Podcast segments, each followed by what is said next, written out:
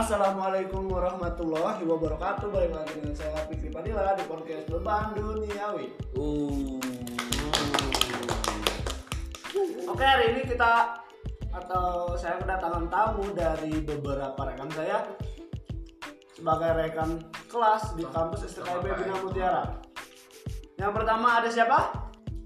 Dasep Priadi, Dasep Riyadi Asal mana? Jampang Surade, Umur?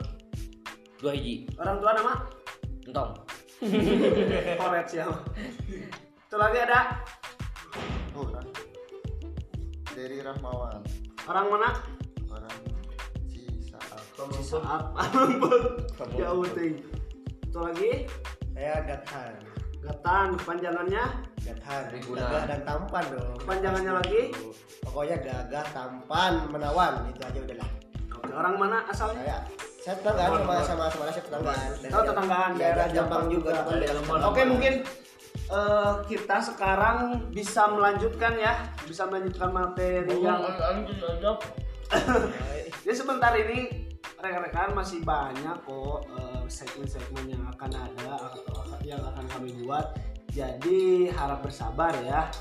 Tentunya yang pertama akan kita bahas tentang COVID. Di tengah merebaknya kasus COVID di Indonesia sekarang ini, padahal di luar negeri orang lain menonton bola menonton bola dengan bebasnya berkumpul tanpa masker sama sekali.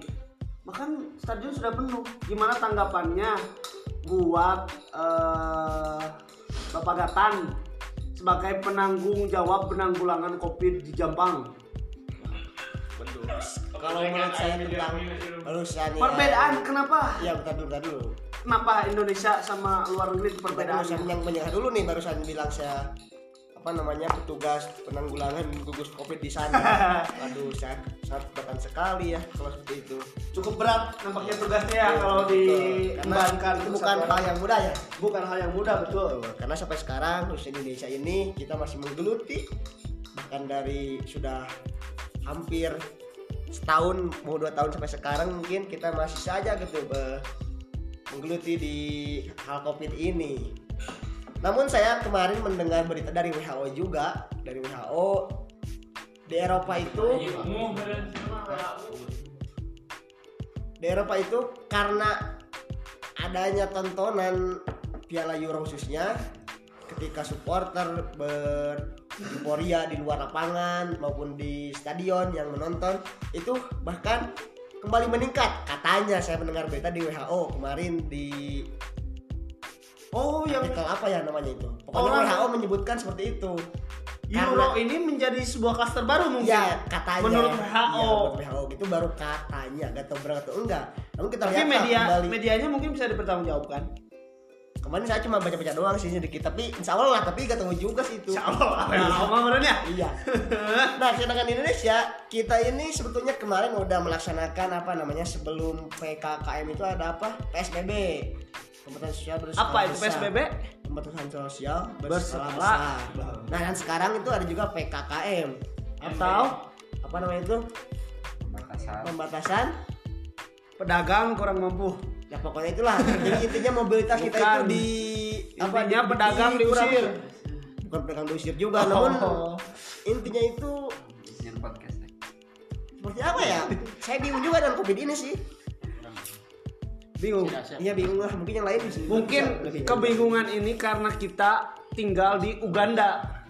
Kalau di Indonesia itu penanggulangan COVID-nya sangat bagus sekali. Pemerintah Indonesia sangat baik sekali dalam penanggulangan COVID-nya. Iya betul. Saya Kalau di negeri setuju. Uganda itu pemerintah awalnya menganggap sepele, tapi setelah COVID ini semakin besar, pemerintah Uganda malah menyalahkan rakyat. Happy birthday to To you. iklan. Karena itu pemerintah Uganda sekarang malah membesar-besarkan dan menyalahkan rakyat. Sedangkan dari awal malah yang menerima kedatangan di bandara dari luar negeri masih diterima itu kan dari pemerintah Uganda itu sendiri ya. Kalau dari pemerintah, kalau ada satu negara Indonesia itu sangat baik sekali penanggulangannya kita gak usah bahas lah. Tapi untuk pemerintah Uganda ini mungkin cukup lalai ya. Uganda teh mana? adalah Oh. Pulau Wetan. adalah itu.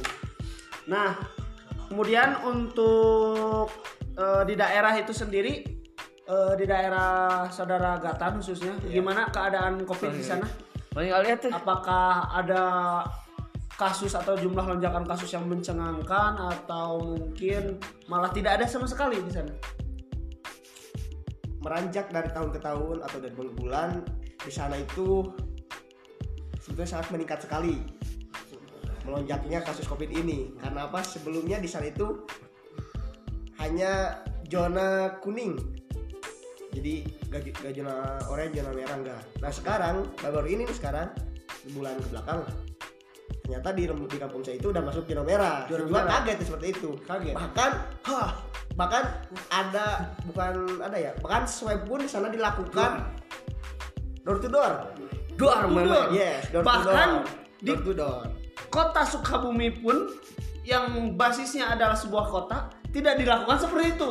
tapi- tapi, di sebuah desa di Jampang iya. dilakukan Door to swab door. test secara door to Iya. door. Wah hebat luar biasa.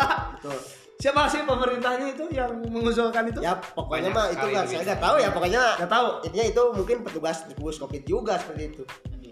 Iya Eh, dan juga saya ini sangat bingung sekali ya dengan PKM seperti ini sekarang ini.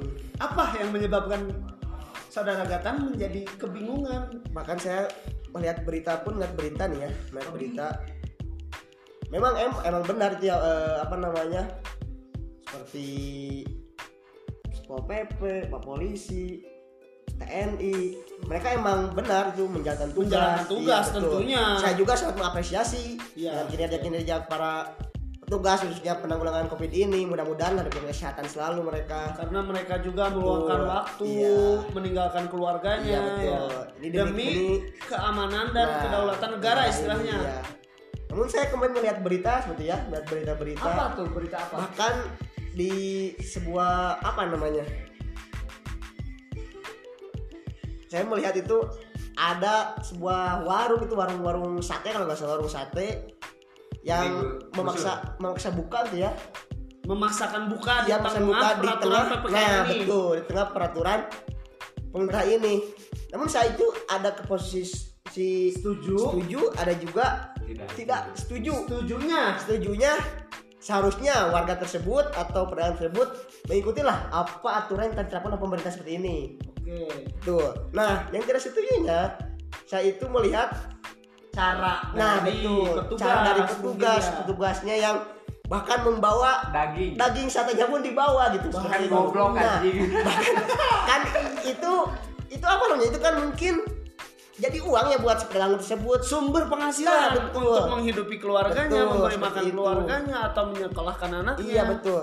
Bahkan tadi pun saya mendengar dari atasan apa kalau PP tuh apa ya bilang bahwanya saya merasa kecewa dengan salah satu anggota yang semprot. yang apa namanya yang melakukan eh, penggusuran terhadap tersebut Iya. ya seperti itulah jadi intinya khususnya kepada masyarakat Indonesia khususnya sekarang kita ikuti aturan pemerintah apa yang mereka anjurkan kita ikuti kita sadis sama-sama kita berdoa Jangan sama-sama sampai seperti di Uganda itu. Betul, jangan Uganda, sampai. jangan Jadi- sampai, jangan sampai. jangan sampai petugas bela-belain dia gak tidur tapi Tapi kita lalai juga seperti itu. Tapi nih yang jadi permasalahan kan eh, memang ya petugas menjalankan tugas dari atasan atau dari pemerintah untuk menegakkan sebuah peraturan artinya ya yang di mana peraturan ini sudah ditetapkan pemerintah yang di mana sekarang itu ppkm ya. Namun perlu kita lihat lagi bahwa pemberlakuan peraturan ppkm ini sebetulnya hanya peraturan sepihak artinya tanpa solusi. Tanpa solusi untuk masyarakat. Solusi yang nyata jelasnya. ya karena banyak masyarakat Indonesia yang menggantungkan hidupnya menggantungkan nasib atau rezeki keluarganya terhadap eh, berjualan atau berdagang. Nah dengan peraturan ppkm ini eh, para pedagang atau para wirausaha kecil itu dibatasi dibat, bukan dilarang ya bukan dilarang tentunya tapi dibatasi.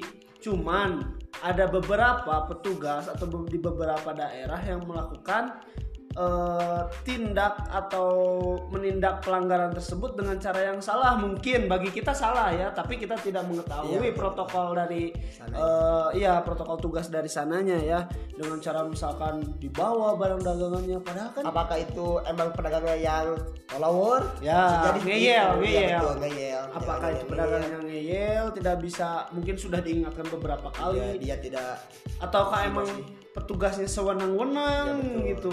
Tanpa memberikan solusi tanpa memberikan eh, persuasif terlebih dahulu gitu. Eh, obrolan atau is- istilahnya kalau Indonesia mah apa-apa juga musyawarah dulu Iya, lah betul, istilahnya betul. diobrolin dulu Ya, gitu. kalau bahasa sebenarnya mah halus goreng kubasa nah gitu. Nah, ada sebuah artikel yang saya baca bahwa ada petugas dari Kapolres dan dari Tentara Nasional Indonesia, khususnya dari Dandim, memberikan solusi kepada pedagang untuk menyudahi kegiatan perdagangnya dengan cara memborong.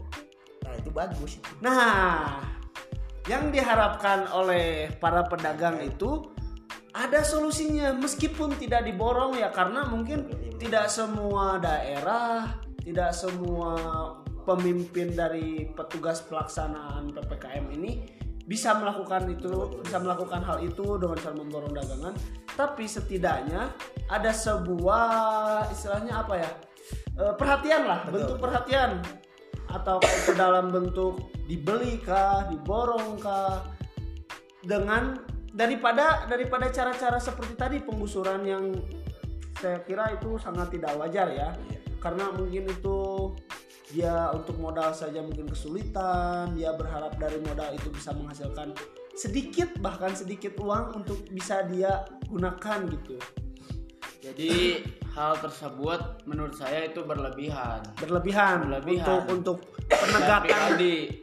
Karena itu bisa dibilang itu hanya pedagang kecil. Hanya nah, pedagang sesuai pengalaman saya, saya lihat dari pengalaman saya itu banyak seperti restoran-restoran, tapi ini tidak di pusat kota. dari pusat kota Iya, restoran-restoran, kafe-kafe itu bahkan aman sampai jam 2, jam 12. Bahkan ada di sana petugas seperti polisi yang menjaga. Mungkin, mungkin itu polisinya baik hati karena menjaga itu sampai sampai larut malam atau mungkin tutup. juga ya atau juga mungkin itu bisa jadi si pemilik restoran tersebut atau kafe tersebut memberikan itu apa istilahnya? Sebuah tips. Nah yang lebih besar tentunya. Mungkin, karena kita tidak ada yang Tidak tahu. tahu. tapi eh, di berita-berita ya untuk ppkm sekarang eh, petugas tidak rasanya tidak membanding-bandingkan ya entah itu usaha yang besar atau usaha yang kecil nah kalau untuk usaha yang besar bisa dibilang tidak ada masalah karena keuntungannya pun Nah. dari sebelum-sebelumnya dia emang profit besar, Ya. emang pasarnya besar. Nah, yang dikhawatirkan itu pasar-pasar pedagang-pedagang kecil itu wira- wirausaha-wirausaha kecil yang dia tidak mengharapkan keuntungan yang lebih, dia hanya berharap agar dia dan keluarganya bisa memakan sesuap nasi intinya.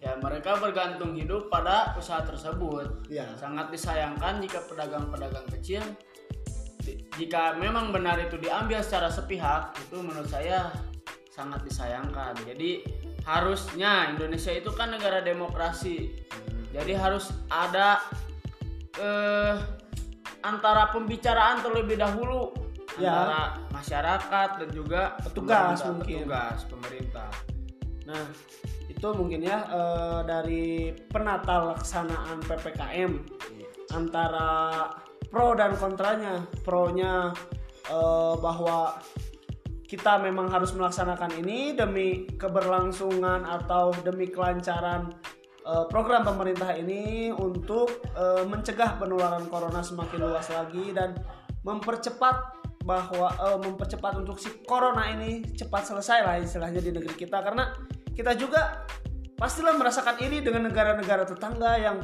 menganggap corona ini bukan tidak ada ya tapi sudah dianggap hal sepele lah udah Kan dianggap- kemarin kemarin pun Singapura Ya, sudah ya, ya, mengatakan bahwa dianggap penyakit ini, biasa, ya, dianggap flu- seperti flu flu biasa. biasa, seperti itu. Nah, jadi sakitnya pun tidak terlalu parah dan penanganannya pun tidak terlalu berlebihan seperti flu biasa aja kita bahkan kita kadang flu dibiarin ya udahlah nanti juga sembuh juga gitu.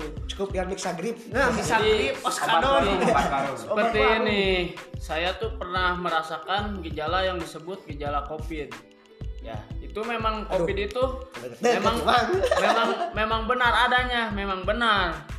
Cuman tidak separah yang diberitakan oleh media-media karena kebanyakan di negara Uganda-Uganda itu, Zimbabwe itu berita-beritanya di up. Tapi kalau di luar negeri itu hanya Real. diberitakan yang bagus-bagusnya saja. Mungkin ya. Mungkin kita yang tidak ber- baiknya diturunkan karena apa untuk membuat kepercayaan diri antar masyarakat terbangun oh kita bisa nih menangani covid nah jadi eh, para masyarakat tidak dibuat was-was karena adanya serangan covid dan juga sepengetahuan saya influenza corona itu sudah ada sejak 1890 pada saat penyerangan flu Spanyol pertama dan juga kedua. Nah, gejala-gejala yang dirasakan itu sama seperti flu biasa.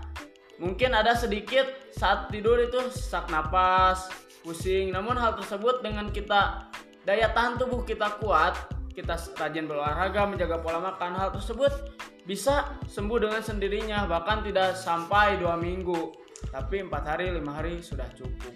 Nah, oke mungkin eh, untuk penutup di segmen sekarang eh, kita tarik sebuah kesimpulan ya dari program dari obrolan kita tentang program ppkm ini bahwa kita sebagai warga sudah sepatutnya kita menaati protokol yang berlaku atau menata- menaati peraturan yang berlaku di mana kita harus istilahnya menjaga jarak lalu jarak, menggunakan eh. masker. Ke maskernya ya. Nah, ini Kita, kita kita ini masker ada ya. kita ini Masker masih ada, ada, masker dan ada ini kita masker bawa- ada. kita sebelum masker. masuk ke studio ini kita sebelum melakukan syuting ini kita sudah melakukan eh, antigen Iya, swab, sudah swab. melalui protokol kesehatan yang berlaku lah ya jadi tidak usah khawatir vaksin. Eh, nah Kontrol. itu betul kita udah vaksin juga semuanya alhamdulillah nah sertifikat ada ada pesan untuk masyarakat bahwa kita harus tetap menaati protokol kesehatan yang berlaku. Kita harus tetap menghormati petugas yang bertugas.